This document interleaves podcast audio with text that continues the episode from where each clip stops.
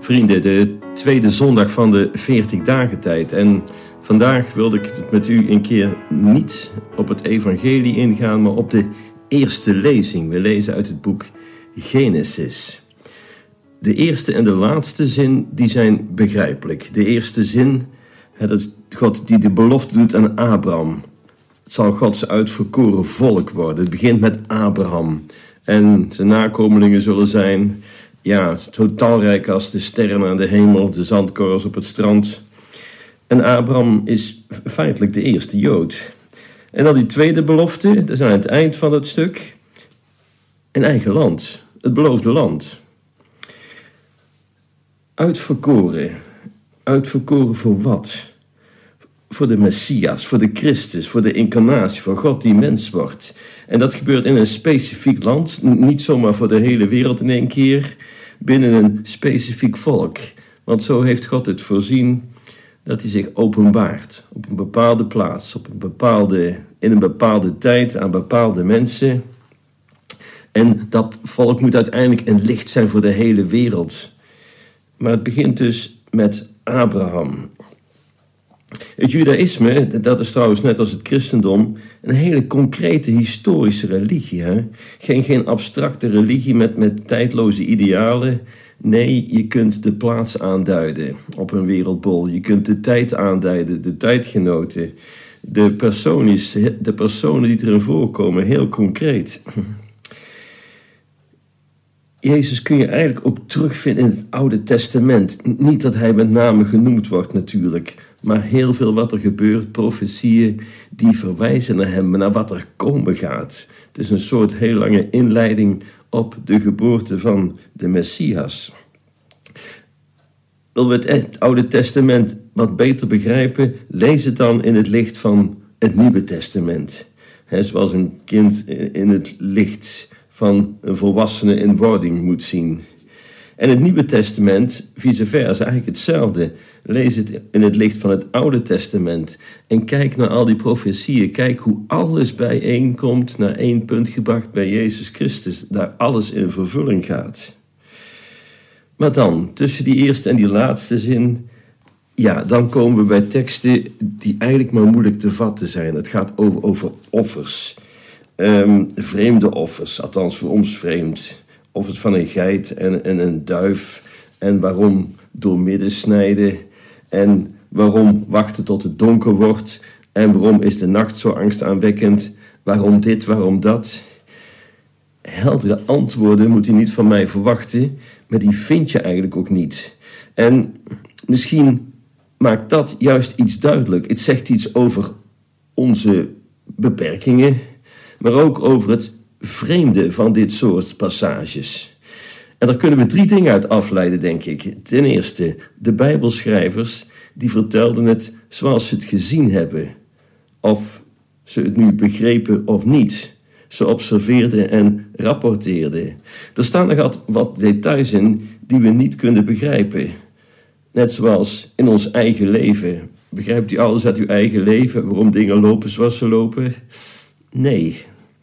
Um, ik denk bijvoorbeeld aan uh, Johannes de Evangelist, die vermeldt bij uh, de passage over de overspelige vrouw. wie de, zonder zonde is, gooi de eerste steen. En dan bukt Jezus voorover en dan schrijft hij in het zand. Wat, er wat hij geschreven heeft, geen idee, we weten het niet. Um, maar toch, het staat er. Waarom? Johannes zal dit gezien hebben. En dan misschien niet gezien wat er geschreven werd. Goed, dat is één ding. De Bijbelschrijvers die vertellen het zoals ze het gezien hebben. Of ze het nou begrepen of niet. En dan het tweede. Als wij bepaalde dingen niet begrijpen, wil dat vooral zeggen dat de Bijbel veel dieper gaat dan onze gedachten. Als de Bijbelteksten louter ontsproten waren aan menselijke gedachten, ja, dan zouden we alles kunnen begrijpen. Maar toch, de Bijbel is het woord van God in woorden van mensen. En vandaar dat er altijd mysteries zullen blijven. Het is net als met het leven zelf. Als we precies zouden weten waarom God ons die of die taak gaf, of dit of dat leidde, en waarom de een wel en de ander niet. En waarom is de een uitverkoren en de ander niet. waarom die ene apostel wel geroepen en die ander niet. Ja, als we dat allemaal zouden weten, dan zouden we dezelfde wijsheid bezitten als God. En we snappen wel, dat kan eigenlijk niet. Als wij het sterkste argument van atheïsten, en dat is nog altijd het probleem van het kwaad, als wij dat sterkste argument konden beantwoorden, dan zou dat niet het bewijs voor God zijn, maar voor het atheïsme. Denk daar eens over na. Maar als er een God is wiens wijsheid de onze eindeloos te boven gaat, dan zal zowel de Bijbel als ons leven de nodige mysteries blijven behouden. En dan een derde puntje. De vreemdheid van dit soort passages, van die, vooral die offercultus in het Oude Testament, zoals we die eh, in de eerste lezing tegenkomen, het boek Genesis. De vreemdheid van dit soort vreemde passages, die zijn op zichzelf eigenlijk instructief. God is vreemd. Niet gewoon, niet vanzelfsprekend, niet alledaags, niet zoals wij. God is vreemd. Laat ik het zo zeggen. God is net zo vreemd voor ons als nou, wij vreemd zijn voor, voor onze hond of kat. Als je God niet vreemd vindt, ken je God niet. Goed, misschien zult u zeggen: God die is toch liefde? Dat is ook zo. En eigenlijk is hij daarom vreemd, wat wij niet kunnen vatten.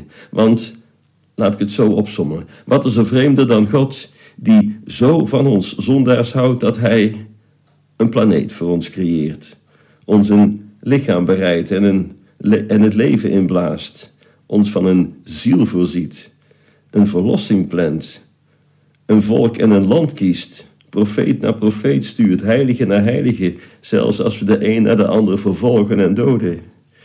En dan ook nog eens zijn eigen zoon stuurt, die voor ons lijdt en sterft, zodat we eeuwig bij hem zouden kunnen leven.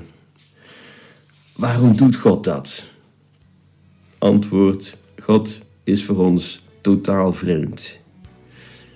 En dat zou ons juist niet moeten teleurstellen.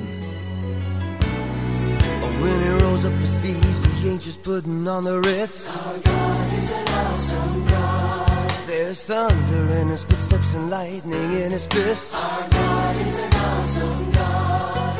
And the Lord wasn't joking when he kicked him out of Eden. It wasn't for no reason that he shed his blood. His return is very close, and so you better be believing that our God is an awesome God. Our God is an awesome God.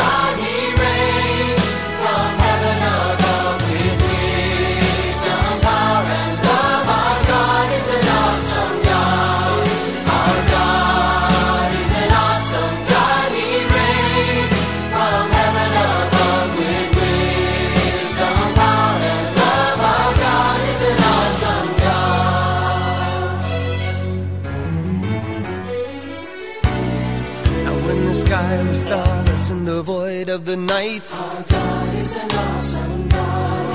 He spoke into the darkness and created the light. Our God is an awesome God.